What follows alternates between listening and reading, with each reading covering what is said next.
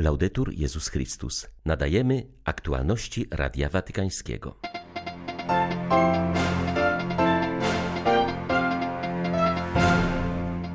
Papież Franciszek przyjął w Watykanie uczestników kapituły generalnej zakonu Najświętszej Maryi Panny Miłosierdzia oraz wykładowców i studentów Papieskiego Instytutu Liturgicznego w Rzymie.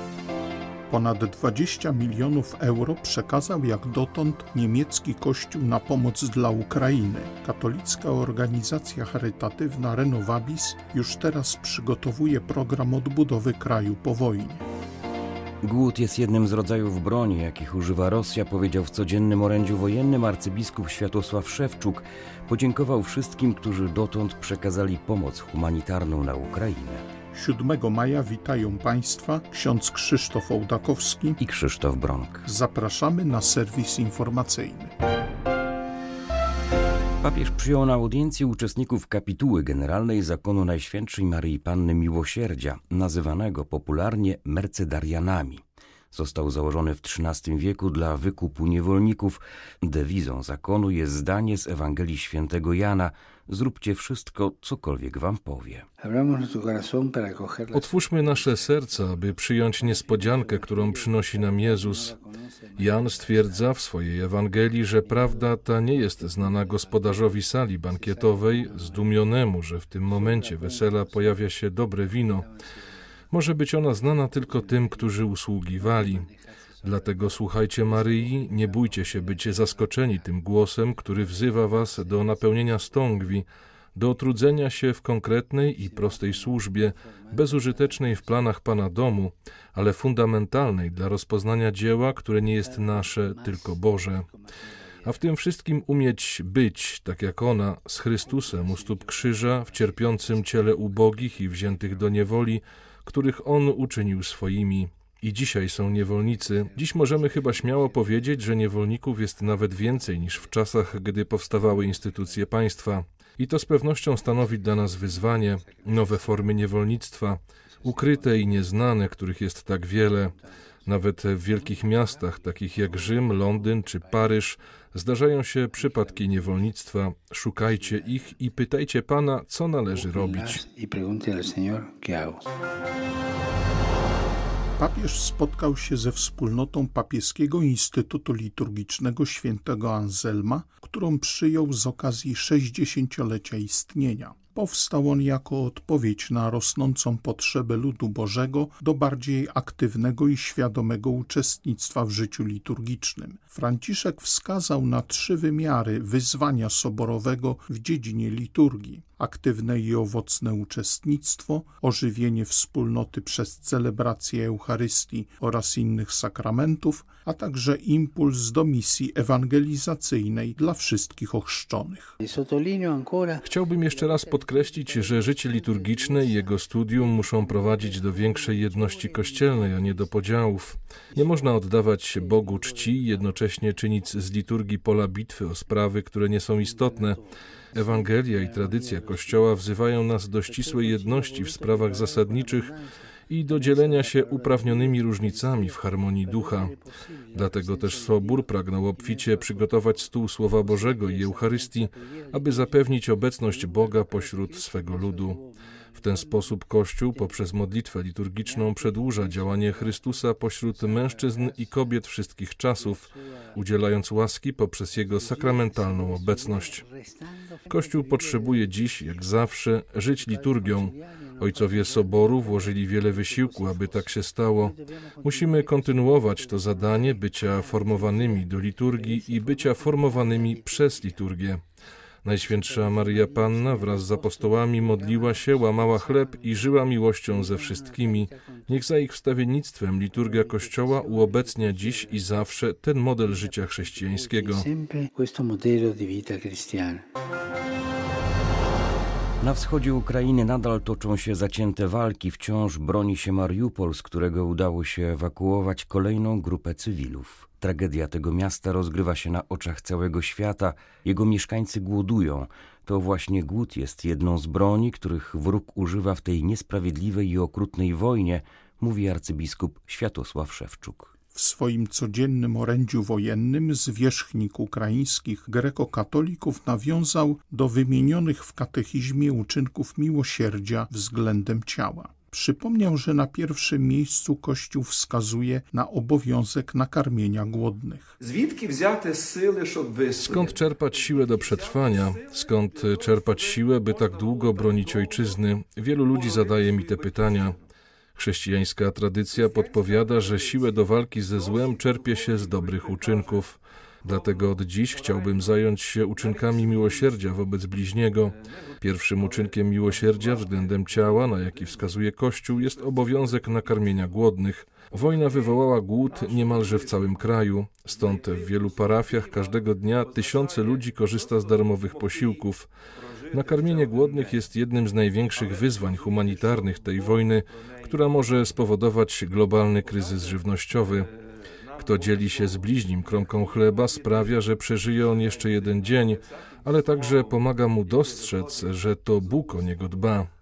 Pismo Święte przypomina nam, że człowiek nie żyje wyłącznie chlebem, ale słowem, które wychodzi z Bożych ust. W czasie wojny należy więc zadbać o to, aby wokół nas nie było głodnych ludzi, ale też trzeba patrzeć szerzej, dbać o wszystko, czego człowiek potrzebuje, o jego godność, zainteresować się nim, porozmawiać. Każdy, kto ofiarowuje chleb, ale nie daje Słowa Bożego, niesie tylko ludzką ideologię. Ukraina ponosi w tej wojnie ogromne straty. Giną wspaniali ludzie, ale wiemy, że to nie czas na łzy. Dziś zarówno żołnierze, jak i cywile walczą o przetrwanie naszej ojczyzny i całej ludzkości, mówi ksiądz Andrii Zeliński, ukraiński kapelan wojskowy. Wskazuje, że pod tym względem Ukraina znajduje się w wyjątkowej sytuacji, której Europa nie znała od czasów II wojny światowej. Wiemy, że musimy dalej się bronić, że nie wolno nam ustąpić wobec niesprawiedliwości. Ksiądz Zeliński przyznaje, że dziś kapelani wojskowi towarzyszą Ukraińcom w najtrudniejszych sytuacjach. Są z rodzinami, które straciły swoich bliskich, wspierają żołnierzy, którzy doświadczyli okrucieństw wojny, byli świadkami zbrodni ludobójstwa. Przygotowują też młodych, którzy mają stanąć do walki. Chcą ochronić w nich człowieczeństwo pośród brutalności wojny. Wsłuchują się też w pytania, które stawiają Ukraińcy. Dlaczego nasza cywilizacja nie zapobiegła tej wojnie? Dlaczego na czas nie nazwała zła po imieniu? Przecież ta wojna trwa już od ośmiu lat. Świadomość ponoszonych strat to jeden z najcięższych ciosów, jakie zadaje ta wojna. Dziś jednak nie jest czas na łzy, płakać będziemy jutro. Dziś trwa zacięta walka. To jedna z tych rzeczy, których nie widać z daleka. Ból z powodu strat znika w obliczu sensu, który odnajdujemy w naszych cierpieniach. To chyba jedna z najtrudniejszych rzeczy w misji kapelana wojskowego ukazać sens ludzkiego cierpienia. Żołnierze ukraińscy mają silną motywację. Dobrze wiedzą, co robią. Bronią swych rodzin, bronią życia najbliższych, własnego kraju. Zupełnie inaczej wygląda to u żołnierzy rosyjskich, bo oni są ofiarami reżimu, rosyjskiej propagandy i dlatego wyzbywają się ludzkiej godności, zabijają bez powodu. Dlaczego ludzie z kultury, która wydała Dostojewskiego czy Czajkowskiego, mogą być tak okrutni, absurdalni w swym okrucieństwie? Kiedy skończy się ta wojna, będzie czas na łzy. Straciliśmy tak wielu ludzi ważnych dla naszej kultury, nauki, cywilizacji, dlatego ból jest wielki. Ale dziś, powtarzam, nie czas na łzy. Dziś stawką jest nasze przetrwanie, dlatego nasi żołnierze, widziałem to na własne oczy, mogę dać świadectwo, wiedzą, co mają robić, płacąc bardzo wysoką cenę, bronią życia i ludzkości. Ponad 20 milionów euro przekazał już Kościół w Niemczech na pomoc dla Ukrainy. Sama Renovabis, katolicka organizacja charytatywna, która od 1993 roku niesie pomoc w Europie Środkowo-Wschodniej, przekazała już na ten cel 3 miliony euro. W przeszłości finansowali budowę kościołów, dziś muszą wyposażać bunkry i pomagać w godnym pochówku ofiar wojny. Robimy wszystko, co w naszej mocy, aby znaleźć pomoc dla Ukrainy – zapewnia dyrektor Renovabis ksiądz Tomasz Szwarc. Sfinansowaliśmy na przykład mobilne kuchnie polowe dla uchodźców. Inwestujemy również w bunkry, a dokładniej w ich wyposażenie. Sam bunkier bowiem nie wystarcza, potrzebny jest na przykład agregat prądotwórczy czy łóżka dla ludzi, którzy muszą w nim spędzać więcej czasu. Ostatnio wyraziłem też zgodę na zakup 2000 worków na zwłoki. I to muszę przyznać, zrobiło na mnie ogromne wrażenie. W tym bowiem w sposób bardzo jasny widać brutalną rzeczywistość wojny dla wszystkich żyjących tam ludzi. W leżącym w pobliżu Kijowa Fastowie odbyły się dzisiaj święcenia kapłańskie ojca Igora Selciszewa, dominikanina pochodzącego z Doniecka. Uroczystość stała się dla wiernych i uchodźców przebywających w fastowskiej parafii znakiem nadziei i troski Boga o Kościół który wraz z całym ukraińskim narodem przeżywa dramat wojny. Ojciec Igor swoją drogę do kapłaństwa i życia zakonnego rozpoczął w 2014 roku, kiedy Donbas wkraczał w fazę wojny. Po wstępnej formacji na Ukrainie został skierowany na nowicjat do Polski, a następnie w Krakowie ukończył studia filozoficzno-teologiczne. Tak o okolicznościach, w jakich przyjmuje święcenia kapłańskie, mówi sam o sobie ojciec Igor. To jest pytanie, czym jest kapłaństwo w takich warunkach wojennych. Ta wojna, która zaczęła się jeszcze w 14 roku, zabrała moją małą ojczyznę. Ja bardzo mocno to przeżywałem wtedy i do tego czasu przeżywam. A teraz wojna próbuje zabrać moją wielką ojczyznę. Dużo pytań stawiamy Panu Bogu i sobie, jak na to wszystko patrzeć. Moi rodzice pozostają w Doniecku, a oczywiście stąd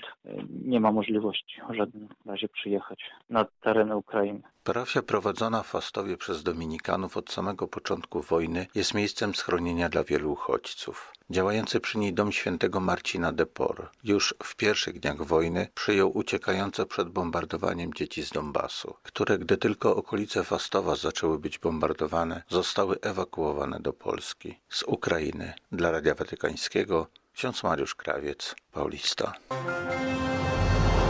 Podczas prezentacji książki na temat nowej konstytucji apostolskiej Predicate Evangelium, której zadaniem jest reforma kurii rzymskiej, Koordynator Rady Kardynałów, kardynał Oscar Rodriguez Maradiaga, zaznaczył, że sama nazwa watykańskiego dokumentu opisuje nowego ducha, którego musi wnieść reforma i wskazuje na powód, dla którego Kościół istnieje na ewangelizację. Właśnie z tego powodu, wyjaśnia Purpurat, Kościół musi wciąż wychodzić na zewnątrz do świata a główną zasadą, którą powinna się kierować kuria rzymska, jest służba. Konieczne jest stworzenie struktury charakteryzującej się synodalnością i otwartej na rozeznanie dokonywane przez poszczególne episkopaty. Potrzebujemy kościoła bardziej ewangelicznego, a mniej biurokratycznego, wyjaśnia kardynał Maradiaga.